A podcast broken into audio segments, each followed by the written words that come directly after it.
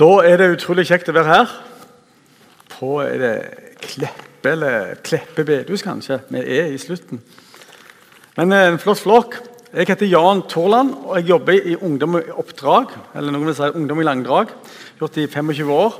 Jeg er utdanna prest og, og litt som lærer, så det er min bakgrunn. Og så er jeg så heldig med det, har holdt på å bygge opp Ungdom i oppdrag her i Rogaland. Vi holder til på Sola. Vi har over 20 fulltidsarbeidere. Vi driver flere bibelskoler, og så har vi misjonærer. Eh, over 20 voksne langtidsmisjonærer eh, over hele verden, faktisk. Det, og Vår visjon er litt sånn bedehusarv. Det er å grave opp de gamle misjonsbrønnene og begynne å fortsette å sende ut misjon. Folk i misjon, for misjonsbefalingen har ikke gått ut på dato. Det er veldig viktig å skjønne. Vi tenker ofte at ja, de kirkene gjør det ute sjøl, men ennå er det mange unådde folkeslag. Ennå er det over to milliarder mennesker, minst, trolig nærmere tre, som ennå ikke har hørt. Da må vi slå oss sammen, alle gode kluter, og så må vi dra ut. Så i år har vi, vi sender både korttidsteam og langtidsteam. Så i år har vi hatt korttidsteam til over 29 eh, nasjoner, bl.a. sånne litt farlige land som Nord-Korea. og sånt. Men eh, det er spennende, og vi ser og Det er så kjekt å være her og si til dere er at Jesus vinner. Det er veldig viktig å holde fast med. Jesus vinner i verden i dag. Han vinner. Evangeliet det går fram. Eh, det blir flere, flere kristne enn netto befolkningsvekst. Så det er veldig kjekt å tenke på.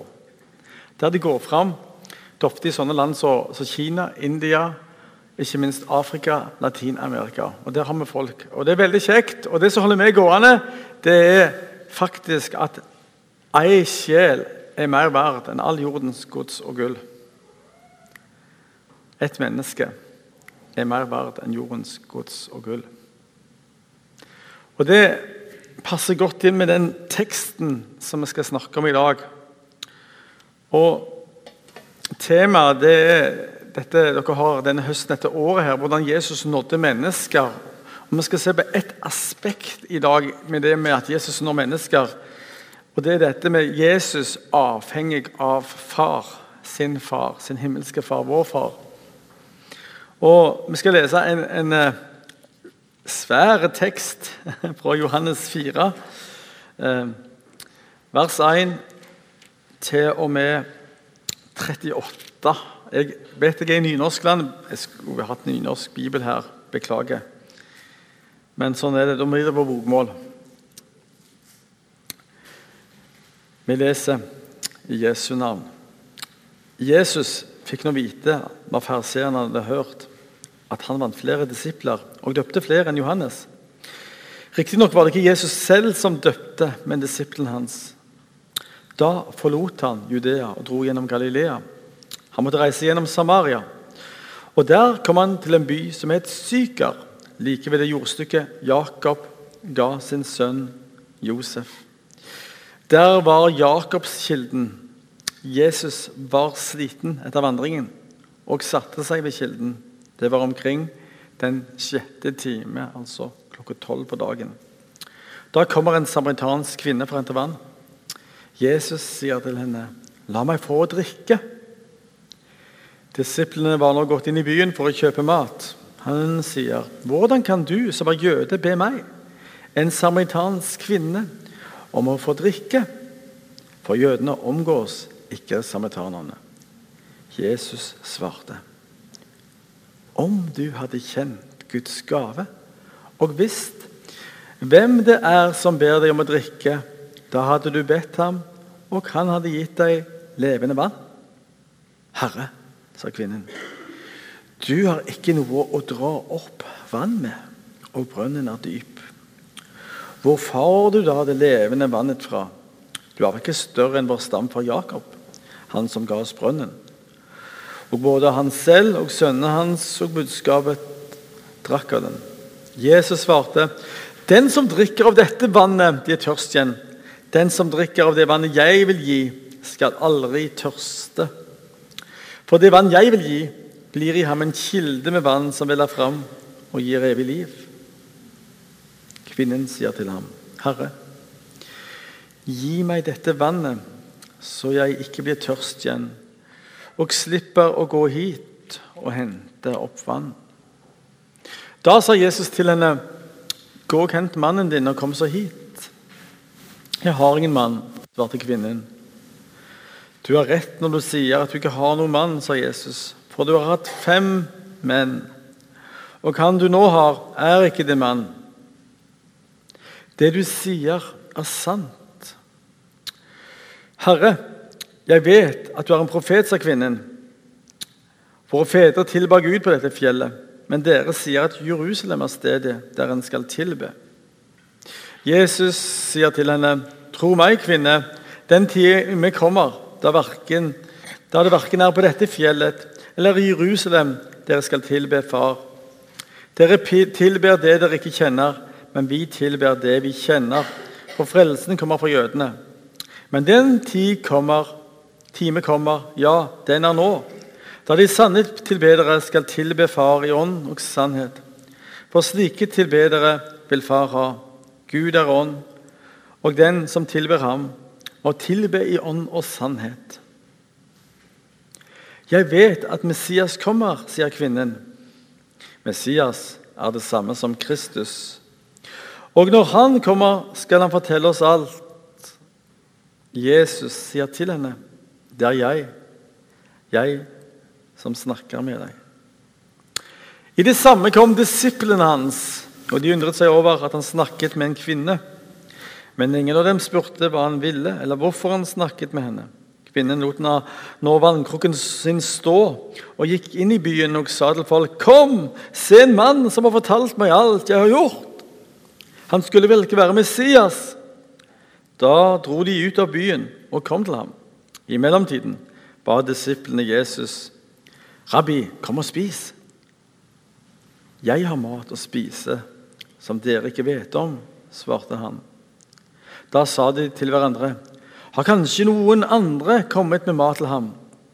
Men Jesus sa til dem, Min mat er å gjøre det han vil, han som har sendt meg, og fullføre hans verk.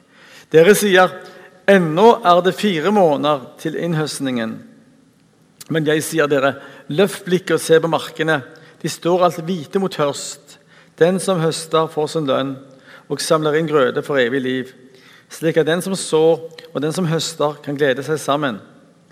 Her er det ordet sant. En sår og en annen høster. Jeg har sendt dere for å høste det dere ikke har hatt noe arbeid med. Andre har arbeidet, og dere har gått inn i det arbeidet de har gjort. Slik lyder Herrens ord. La oss be. Kjære gode Gud, vi ber at du opplyser ordet ved Den hellige ånd. Kom, Herre, med ditt nærvær. Kom med dine tanker. Kom og tal til oss, Herre. I Jesu navn. Amen. Dette her er jo en svær tekst, en volumøs tekst, som en kunne talt mange timer om. Men jeg skal ha tatt noen punkter. Og Denne teksten her, den viser så veldig klart hvor avhengige Jesus var av sin far. Og det er en sånn detalj her som Det er faktisk greit å kunne gresk for å oppdage. Det står i vers 4 Han måtte da reise gjennom Samaria. På gresk er det ordet der er bare ett ord, faktisk. EDI. Og Det betyr at det var nødvendig for han. Og Da er tusenkronespørsmålet hvorfor var det nødvendig for Jesus? For det var slett ikke vanlig. De fleste de hata samaritanere. Og de ville gjøre alt de kunne for å dra utenom. En omvei utenom Samaria. Så det var det ofte de gjorde. De kom, tok en omvei og så opp mot nord, til Galilea. Det snareste er å kjøre. Det har jeg har gjort noen ganger. Gjennom Jordandalen, eller gå gjennom Jordandalen. Rett opp. Men Jesus han altså han var villig til å lytte til sin far. Jeg tror, jeg tror det var sånn det virker. Og vi har gjerne ulikt språk på det, litt ulike tradisjoner. Eh, på bedehusland sier vi kanskje 'han fikk det for seg'. Han fikk det for seg. Han ble minnet om. I andre tradisjoner kan de si 'Gud sa'. Men vi mener vel egentlig det samme. Det var nødvendig for han, fordi Gud sin far sa det. Og Nå vet vi at det, i vår tid Nå har Jesus stått opp, han sitter med Faderens høyre hånd, eller far sin høyre hånd, og så har vi fått Den hellige ånd. Og Jeg tror Jesus var helt avhengig, nettopp fordi han var fullt menneske, var han avhengig av å bli ledet av sin far ved Den hellige ånd. Så jeg tror dette var noe Gud la på hjertet hans. Gå gjennom Samaria. Og Det kunne jo vært lett å krangle og tenkt ja, hva vil disiplene si? Hva vil folk rundt meg si? Det er jo ikke vanlig. Og Her tror jeg nettopp det ligger en utfordring til oss alle sammen. Om å tørre å bli ledet av Gud Far ved Den hellige hånd i de små ting. Jeg har tre a-er. Alltid. På alle steder og i alle ting. Og jeg, jeg, jeg, innrømmer glatt at jeg ikke er så flink til å vitne for folk. Men en, en dag så ble jeg faktisk ledet inn i en, en, et verksted. Jeg skulle skifte olje. Jeg er ikke så flink til å gjøre det på Så jeg tenkte denne gangen her, da tar jeg det på verksted. Og Da møtte jeg en, en mann med sånt sjokoladehud. Så spurte jeg hva heter du for noe. Ja, jeg heter Josef. Kom, hvor kommer du fra? Jo, jeg, jeg, kommer fra Afghanistan. Ok, ja vel. Eh, er, du, er, du, kristen? Ja. ja. Går du i menighet? Eh, nei. Eh, vil du gå i menighet? Ja. Eh, er du, eh, er du døpt? Eh, nei. Vil du bli døpt? Ja. Oi, det var veldig enkelt. ja vel. Så min menighet ligger rett 200 meter fra den, det verkstedet. Det er alltid en risiko det har jeg lært meg, alltid en risiko å invitere folk på, på, på sånne søndager. Ofte så kommer de ikke. De sier ja, klart jeg kommer. Men, men der han kom, faktisk og så snakket så ba jeg så, så Hei, god dag, god dag. Ja, Du får gå og snakke med han pastoren, så sa jeg sjekk om han er klar til å bli døpt. Han var fra Afghanistan. Og det var han. Og det som ikke jeg visste, det var det at natta før så hadde vi vært så nerver. Han hadde tenkt åh, jeg vil bare gjøre det slutt. Jeg greier ikke leve i denne håpløsheten mer. Jeg, ikke, jeg, føler meg så avvist. Jeg får ikke vise her. og jeg får fullt time. Men så ropte han ut til Jesus, for han hadde lært om Jesus som, som ung. Og så faktisk, og dette er ganske vanlig blant muslimer, så om, om, når han sovna, da, så kom Jesus til ham i en drøm og sa du, du går på feil vei, du må følge meg. Ja vel. Ja, Jesus, hvis du er virkelig, så, så ser du jeg har vondt i hofta mi. her. Kan du helbrede meg? Han hadde lært at, at Jesus er helbrederen. Så strakte Jesus opp ut hånda. Så våkner han opp på morgenen med fred om helbredelse. Dette skjer i Norge i dag. Det er mange sånne historier. Og... Eh, så spurte jeg han du, eh, Vi har jo en sånn disippeltreningsskole. Når du tok imot Jesus, da du, kan du godt få deg å få undervisning. Ja, men Jeg har så mye bekymringer. Jeg greier ikke å konsentrere meg. Ja, vel, greit, sa jeg. Jeg skal ikke presse deg. Men dagen før den skolen vår, vi driver en disippeltreningsskole. Det er veldig grunnleggende sånn disippeltrening om sånn Gud som far, evangeliet, bønn, misjon. Hvordan Gud taler til oss. Mange flotte ting. Eh, hver januar. Folk fra hele verden. Så, dagen før så smalt det inn en SMS. Kan jeg, eh, kan jeg få gå på skolen? Klart du kan, sa jeg. Kom og møt meg. Og eh, han kom, og så spør har du far. Nei, far min er død. Og så, så var jeg så Så sa jeg du, kan jo være far til deg, da. Det skulle jeg nesten ikke ha sagt. vet du. hva. Han greip Så, nå, så Jeg sa jeg fikk en sønn på mine gamle dager på når jeg var litt over 50. Men han har vært litt sånn som det. Og så har det vært fantastisk å se hvordan han har vokst. Han har begynt å si vi må elske våre fiender. Vi må be for dem. Og Når det kommer fra den bakgrunnen som er fylt av hat, da skjønner en at evangeliet det slår rot. Og det handler, For meg handler det om å være, tørre å gå inn der på den tilskyndelsen som jeg fikk.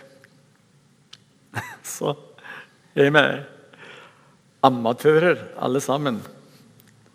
Vi er så avhengige av far at han kan lede oss med Den hellige ånd. Men han ønsker det. Han ønsker å lede oss. Og Noen ganger tror jeg han leder oss uten at vi vet om det sjøl. Akkurat så her. Det var ikke sikkert at far i himmelen sa til Jesus at eh, du kommer til å møte ei kvinne. Det er ikke sikkert. Det kan hende. Noen sier at Jesus visste alt. Men i Johannes evangeliet er det veldig tydelig at han er helt avhengig av sin far i det jordelivet han var. Og så kommer denne dama, og, og her kan vi lære noe Jesus er genial. Han gjør seg avhengig av kvinner. Han går ned på hennes nivå, og så sier han Kan jeg få drikke? Og Her tror jeg dette er en supermodell for oss å vitne for folk. Det er nemlig å gå ned på de samme nivået som våre naboer og våre venner er. Jesus, Gud, han ble en av oss. Sånn at han kunne kommunisere. Kommunikasjonen gikk. Faktisk så var det sånn at uh, denne dama fikk nesten sånn som sier på engelsk, the upper hand. Hun hadde brønnen. Hun hadde til med bøtta. Jesus var der og gjorde seg avhengig av henne. Så snakket han med henne. Ingen pleide å gjøre det. Men Jesus gjorde det. Og igjen så, så snakker Jesus om dette med Han tok, tok han tok det bildet som var der, dette med vannet, eller vannet, som vi sier vel på Jæren. Jeg er blitt litt sånn byas, jeg snakker vann istedenfor vann. Beklager. Men jeg har et annet, et bedre vann å drikke. Å ja, ja vel. Ja, et vann så, så du ikke blir tyst av. Ja, gi meg dette vannet. Og så går jo denne samtalen ned helt på skinner. Helt til Jesus stiller det grusomme spørsmålet med noen sier 'Hvor er mannen din?' 'Jesus, må du rote opp i det nå.' 'Mannen?' Ja. Og jeg tror igjen så tror jeg det var far i himmelen. Da kan jeg gjerne være uenige så sa du spør henne om mannen hennes. Og Jesus, han var lydig. Hvor er mannen? Ja, men 'Jeg har ingen mann.' Nei, men det er rett, du har hatt fem mann. Og den du har nå, den er ikke din mann. Og da er tusenkronespørsmålet hvorfor Jesus sier du dette her? Og Nå må vi tenke litt. Klokka var tolv på dagen. Hvis du har vært i Israel på den tida, så er det forferdelig varmt. Folk de har vel en slags siesta på den tida der. Og Hvis du skal være sikker på å ikke møte noen, så er det den tida du skal gå inn, gå ut og hente vann på.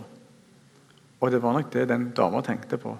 Jeg tror den dama var så full av skam. Hun var landsbyens skam. Og så dro der skyldbetynga og henta vann. Og så møter hun en mann som snakker til henne. Som gjør seg avhengig av at han ber om vann. Og så er villig til å peke på disse bindene. Og det er det forunderlige. Når ting kommer opp i lyset ja, så er det nesten som halve jobben er gjort. Men hun blir satt i frihet. Hun erkjenner sitt problem. Og så ser hun en som løste det problemet. Så tok hennes synd og skam. Jeg synes det var så flott det at Han ikke bare setter en strek det. var sånn var lett å tenke. Han satt en, den er satt en strek Nei, Det er akkurat som hun aldri Det har aldri skjedd. Og her er noe av evangeliets kraft. Jesus gjenoppreise oss så det aldri har skjedd.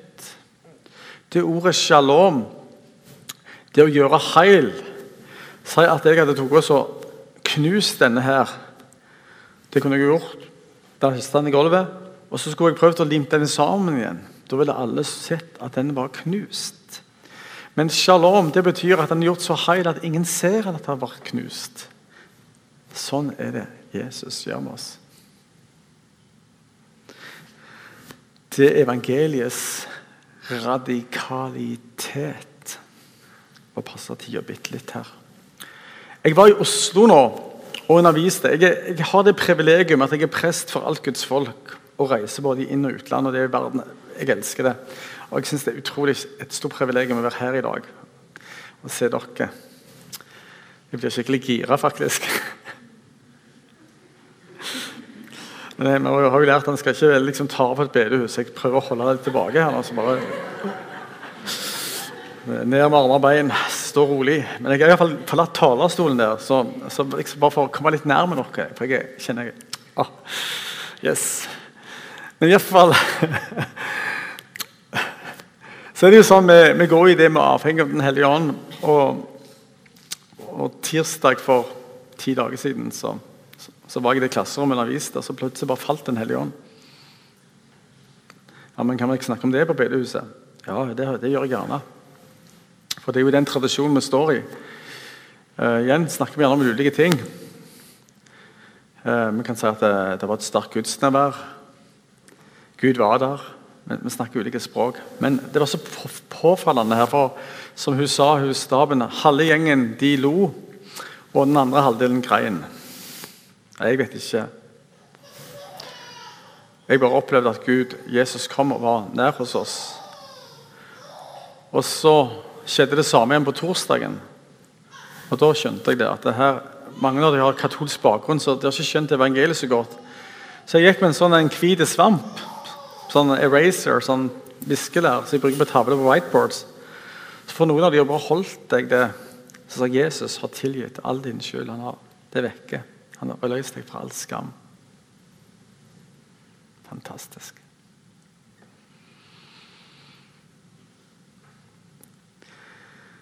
Evangeliet Det er en sånn enorm kraft som reiser oss opp, gjør oss verdighet.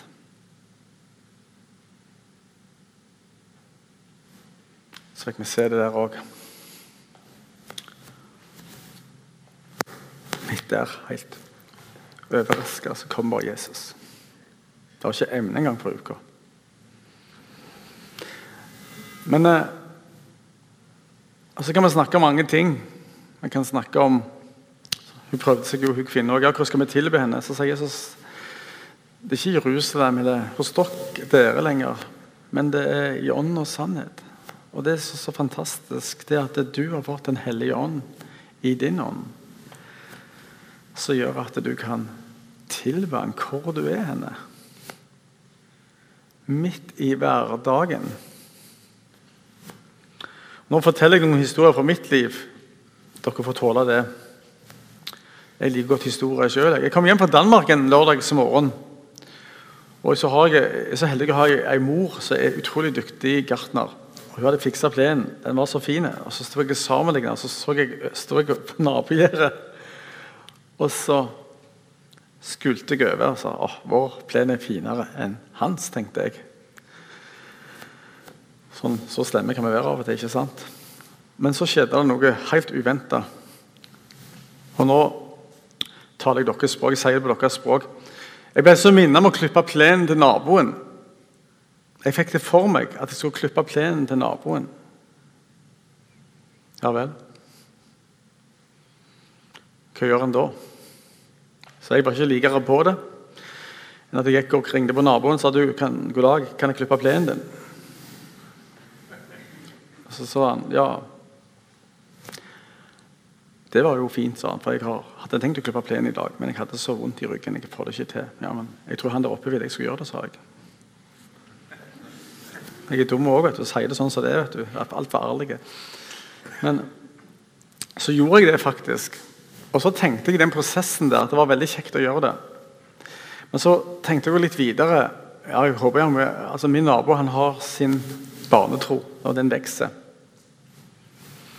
Men så tenkte jeg det, om jeg, han aldri vært en kristen, så ville jeg allikevel gjort det. Jeg tenker Det er litt viktig å tenke sånt. Vi ønsker at, som Jesus at alle skal bli frelst. Men hva om han ikke hadde blitt det? Jeg ville gjort det for det. Og jeg vil gjøre det igjen for det. For det, Guds kjærlighet er så stor. Den er så ekte. Den er kjøtt og blod. Den er dyrebar. Og det er så fantastisk noen ganger når vi kan få lov å gjenspeile den kjærligheten. Så Jeg klipte plenen med stor glede, men noen måneder senere fikk jeg meg en kolossal overraskelse. Jeg vil aldri tro det som skjedde. Jeg kan ikke forklare det engang. Jeg sto på andre sida av hagen min og skulle pakke inn noe. Og så mangler jeg en presenning.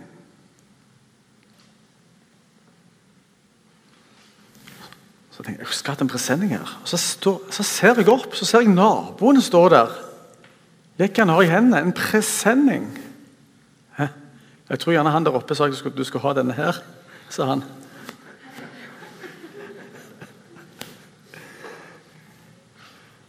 Altså så akkurat det jeg trengte. Men så, hvorfor forteller jeg dette? her? For jeg tror Gud han er en hverdagens Gud. Og egentlig mitt budskap er at som Jesus var avhengig av sin far, så trenger vi å være avhengig av far og Kristus i Den hellige ånd. Det står at vi har fått Den hellige ånd, at talsmannen kom til oss. Og nå, har jeg lyst til, Kan dere gjøre litt gymnastikk med meg? Greier dere det, tror du? Ta, hvis du tar fram hendene her, sånn, så det her forsiktig, sant? og så tenker vi at vi har Den hellige ånd, sant? og bare ber han renne gjennom oss. Den hellige ånd tar, passer ikke å slå naboen. Den hellige ånd tar fra Faderen og Sønnen, så har vi forsiktig, sånn, ja, og så gir han til oss for at vi skal gi videre til andre og Jesus for æren. Nå må det passe så vi slår deg. Sånn, ja. Akkurat det var, det. akkurat sånn, det var, det, det var bevegelsen. Akkurat sånn er det for oss når Jesus får opp til himmelen, så får vi Den hellige ånd. Ja, hvor mye da? Jeg, kan få, jeg pleier å be 'fyll meg med Den hellige ånd, for jeg trenger det sånt. Ja, men jeg er ikke pinsevenn, sier du. Men jeg tenker det er ulykker hvis bare pinsevenner har monopol på Den hellige ånd. tenker jeg. Det er en stor ulykke. Og Det mener ikke de heller. De feirer 100-årsjubileum, så sa de 'pinse for alle'. Og jeg tenker ja takk. tenker jeg. Ånden er klar for alle sammen. Så det er den realiteten vi lever i. Og Det var det Jesus òg var. Han var helt avhengig av Faren gjennom Den hellige ånd. Kunne gi han ting. Og så er det akkurat det som vi, Derfor var det så flott vi feirer nattverd i dag. Ja Fortjener vi det? Nei. Det er en nådesvandring i nåde, fra nåde til nåde. Nådens ånd, Den hellige ånd. Nådens Gud. Nådens manifestasjon Jesus. Sånn er det. Og Nå må jeg dessverre gå inn for landing.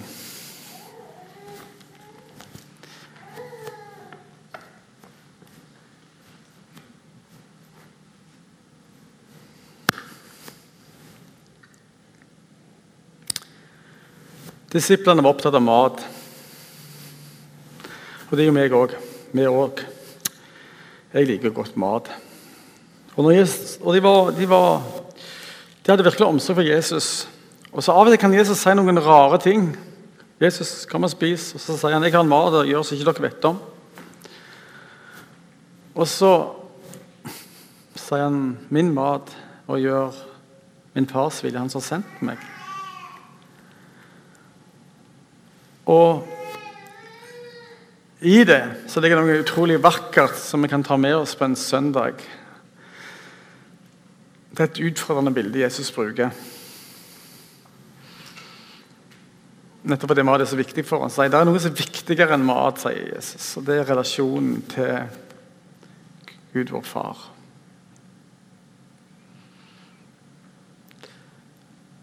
Og jeg tenker det her grunnkreftene i det falne mennesket i verden driver så lett vekk. og Det er derfor det er så viktig å samles på bedehus for å bli trukket inn til Jesus og hans kjærlighet.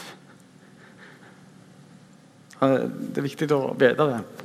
Sånn at Hans ånd kan virke på oss, så vi, blir dreven. At Han blir det viktigste for oss. Derfor er det veldig viktig.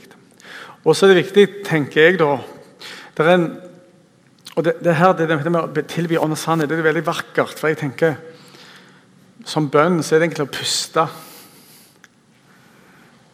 Det, det er en fantastisk øvelse. Det å puste. Du kan puste bønn.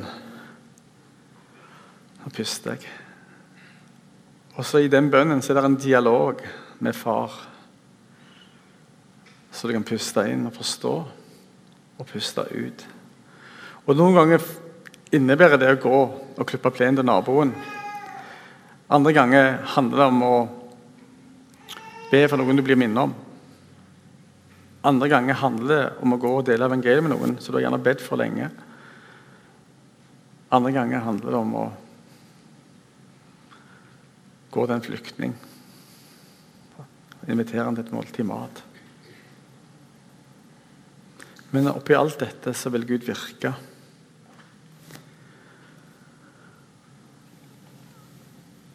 Og så sier Jesus Dere sier det er tre måneder igjen til høst. Men Jesus sier høsten er moden. Jeg er vokst opp på et bedehus der de ba masse om vekkelse. År ut og år inn. Dessverre kom aldri vekkelsen på den måten de tenkte. i alle fall. Men vi, noen av oss vi gikk ut og begynte å vitne for folk. Og Så begynte Gud å virke i ungdomsmiljøet i alle fall. Og ære de gamles bønner om vekkelse. Jeg tror den kommer. Så det er ikke noe pakt i de bønnene. Nå skal jeg oppsummere noen prinsipp som du kan ta med deg.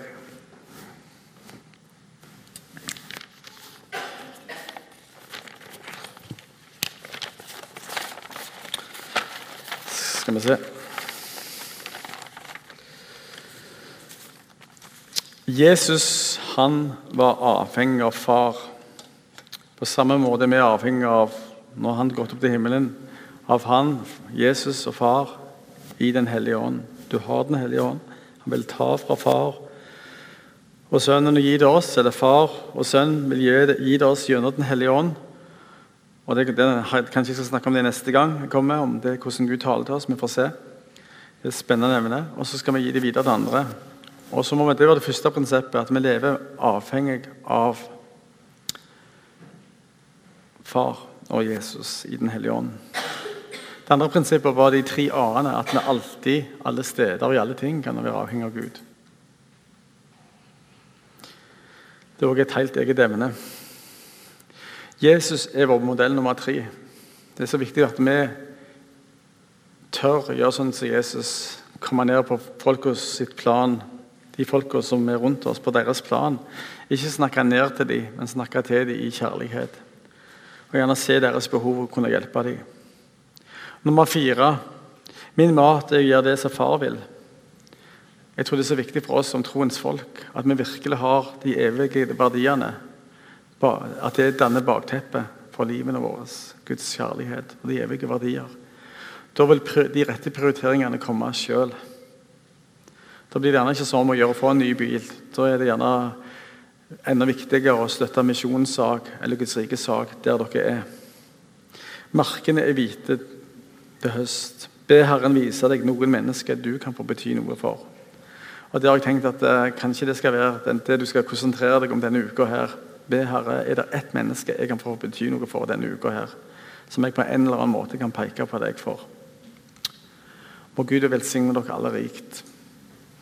Jeg ble litt minnet om når jeg kjørte inn her kan godt hende jeg tar feil. Men hvis det er noen som sliter med et skeivt gudsbilde at det, jeg syns det er vanskelig å komme fram for Gud i bønn. Jeg føler bare å møte meg med tommel, tommelfingre. Så tror jeg Gud vil, vil møte deg akkurat sånn som det var i nattværet, med to åpne hender. Der han sier 'alt mitt er ditt'. Og, og Hvis du ønsker forbønn for det, så er det noen stoler her. Så hvis du sliter med at det, oh, jeg, jeg, kjenner meg ikke elska, eller at jeg kjenner meg tørr, så er jeg villig til å Det er ikke forbereder i dag, men så jeg kan stille opp i dag. Jeg, skjønner jeg kommer godt bak. Det er gjerne like lurt å være på bakerste benk. dere pleier å ha her. Yes, på bakerste benk er det ikke fremste benk. Det er mye bedre. Så jeg, jeg, går, jeg går, på bakerste benk, og så sitter jeg der. og Hvis noen kjenner at oh, jeg sliter med å kjenne at Gud elsker meg, så kom bak der. Så har jeg lyst til å be for at du skal få se at du skal få gå til den kvinnen og si 'Kom og se som alt, sagt alt jeg har gjort.' Hun har satt i frihet. du. Hun skjønte at du var tilgitt. Og...